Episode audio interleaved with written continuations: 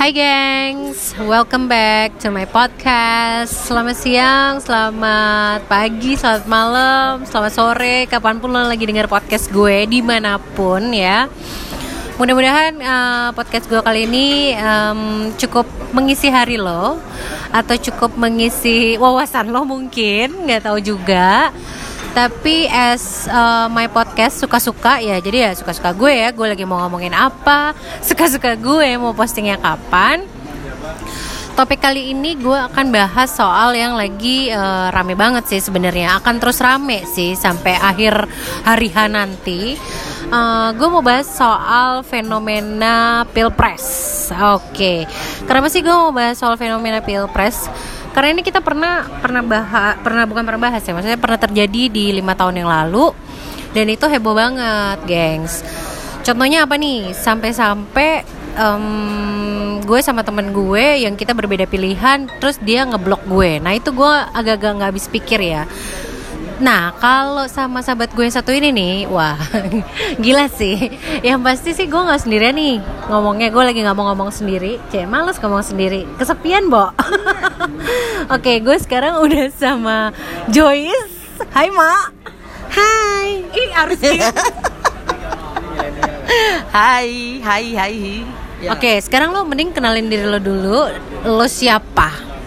Saya Joyce yang pasti Bukan siapa-siapa sih Saya ibu rumah tangga sejati Yang berada di dunia broadcast uh, Ya sebagai temannya Prita juga lah langsung sedih gitu sih jadi teman gue? Uh, uh, soalnya lu agak menyedihkan sebenarnya orangnya Kurang ajar banget Oke Jo, ini kalau dari lo, lo ngeliat fenomena pilpres saat ini gimana Jo? Hmm, yang pasti sih masih sama seperti lima tahun yang lalu. Oke, karena panjang gue disuruh pegang sendiri ya. Makasih loh Prit. yang pasti masih sama seperti lima tahun yang lalu.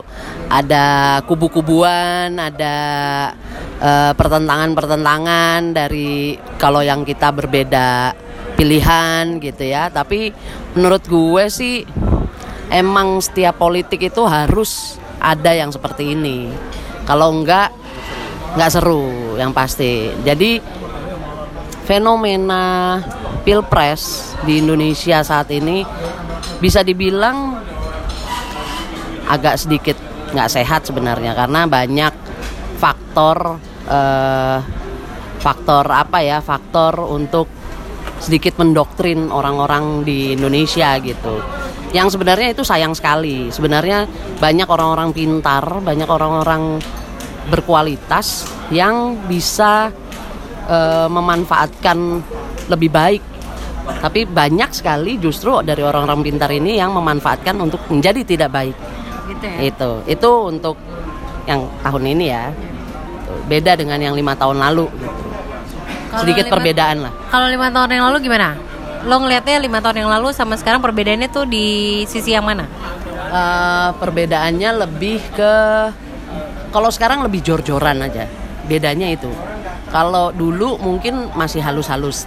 Ya halus-halus tipis lah. Kalau sekarang udah jor-joran, udah langsung gitu. Gue Projo, dia Prabowo gitu. Itu kan sebenarnya lebih frontal lah kalau yang sekarang. Oh, gitu kalau ya? yang dulu lebih halus lah gitu. tipis-tipis ya halus tipis-tipis kayak pipi gue Enggak banget sih itu ya. Oke, okay. sekarang kalau lo ngelihat nih, oke okay, kita kita sudah melalui pilpres di 2014 ya kan? Udah melalui pilpres di 2014. Menurut lo, pilihan yang akhirnya menang di 2014, kemajuan yang sampai sekarang tuh gimana Jo? Kemajuannya pas banget tuh gue lagi lihat mukanya ya. Oke deh kemajuannya yang pasti. Ini bukan masalah Pak Jokowinya sih sebenarnya lebih bukan dan dia memang pilihan gue tapi memang ada hal-hal yang berbeda dari kepemimpinan sebelumnya. Banyak sekali Indonesia berubah di zaman beliau.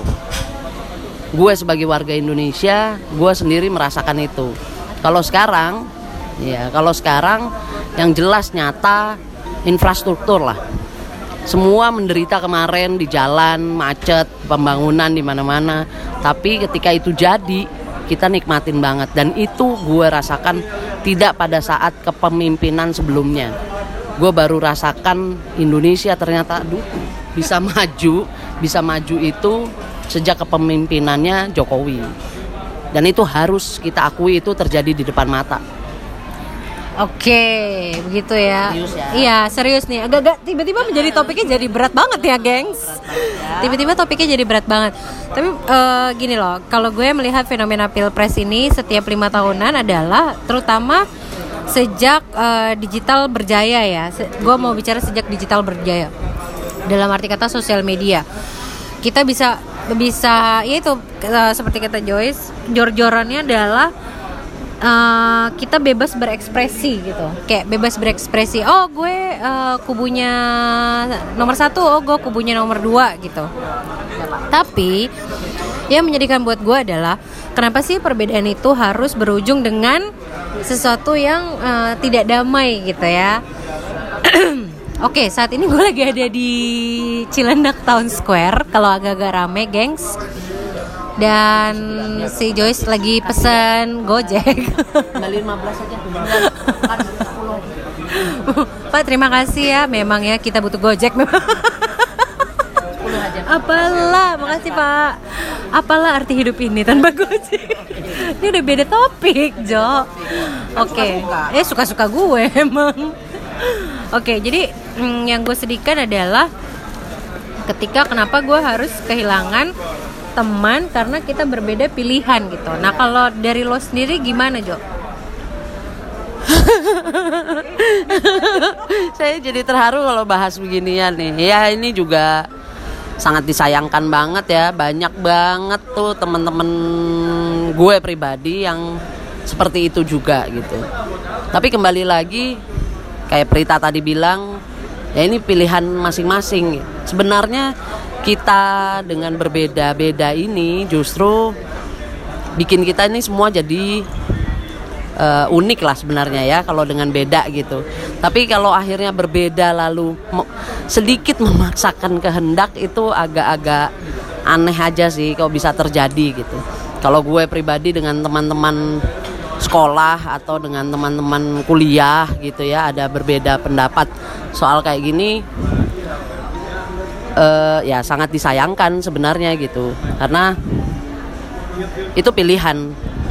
Gue memilih dia karena apa lo memilih dia karena apa itu kan sebenarnya pilihan masing-masing. Jadi jangan pernah ada pemaksaan aja sih. Sayang aja ya. Iya, iya. Itu sebenarnya sama kayak milih jodoh ya kan? Sama kayak milih jodoh nggak sih? Maksudnya lo pilih dia. Apa, udah 13 tahun lalu Asik. Lo pilih dia Tapi temen lo bilang "Ja, Lo jangan pilih dia. Atau keluarga lo pilih Jangan pilih dia. Itu kan namanya pemaksaan juga ya kan? Itu namanya pemaksaan. Nah sama kayak pil kayak pilpres. Lo kenapa ketawa sih? sama kayak pilpres Yang mau siapa pun yang kalian pilih gengs Gitu kan? Mau siapa pun yang kalian pilih sebenarnya bebas gitu suka-suka pilihan lo masing-masing. Tetapi kalau kita bicara masalah pilpres, kita memimpin seorang pemimpin gitu kan ya. Eh, kalau mencari seorang pemimpin gitu, kalau gue buat pribadi adalah gue nggak mencari pemimpin yang cuman ngomong doang gitu. Kalau gue gitu kan, gue mencari pemimpin yang eh, emang bisa memberikan bukti-bukti gitu. Dan kalau gue pribadi dengan presiden gue yang saat ini gitu ya. Gue melihat memang sama seperti Joyce bahwa di luar beliau adalah seorang Jokowi gue melihat apa yang beliau lakukan untuk di mata dunia khususnya gitu ya. Beliau yang memang sangat menginginkan Indonesia itu dipandang gitu di mata dunia gitu. Dengan adanya infrastruktur yang tadi si Joyce uh, udah utarakan gitu ya.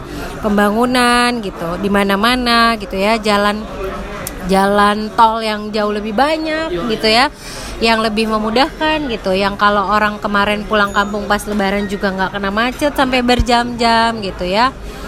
Nah eh, yang disayangkan balik lagi seperti itu kenapa kita harus berbeda tetapi berujung dengan eh, pertikaian gitu ya. Atau berujung dengan eh, mem- diputusnya tali silaturahmi gitu loh. Diputusnya tali cinta. Diputus tali cinta aja sakit. Depan kita nih. Pada depan kita nih. Oke terus kalau lo lebih ngelihatnya nih uh, fenom balik lagi ke fenomena pilpres yang sebentar lagi berapa bulan lagi kita ya? Tiga bulan lagi ya?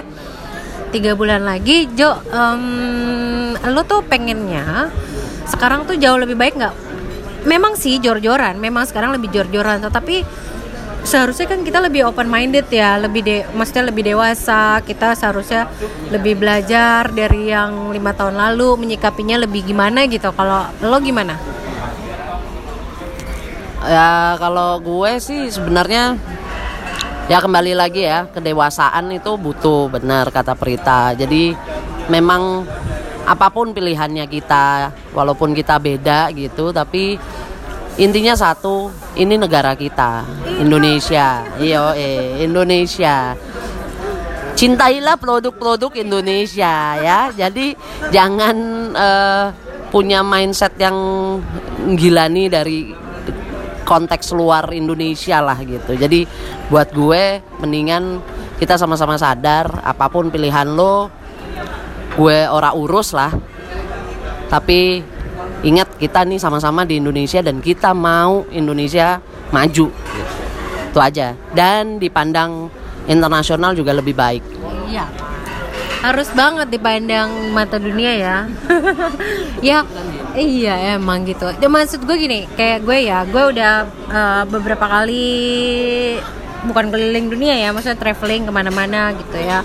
Dulu gue punya impian punya cita-cita aduh kapan ya uh, negara gue bisa punya MRT atau segala macem. Sampai akhirnya kita sekarang tinggal nunggu nih beberapa bulan lagi launching ya bulan Maret ya kalau nggak salah ya. Maret 2019 ini MRT akan launching gitu gue seneng banget gitu. Nah which is kalau menurut gue itu tidak akan terjadi kalau kita tidak mempunyai pemimpin yang bisa mengeksekusi itu dengan baik. Bener nggak sih Jo? betul betul. Setuju setuju. Setuju. Lanjut. Yang tidak bisa mengeksekusi itu dengan baik gitu ya gengs. Nah um, kalau menurut lo sendiri gimana nih gengs? Lo sendiri punya pendapat apa mengenai fenomena pilpres ini gitu ya?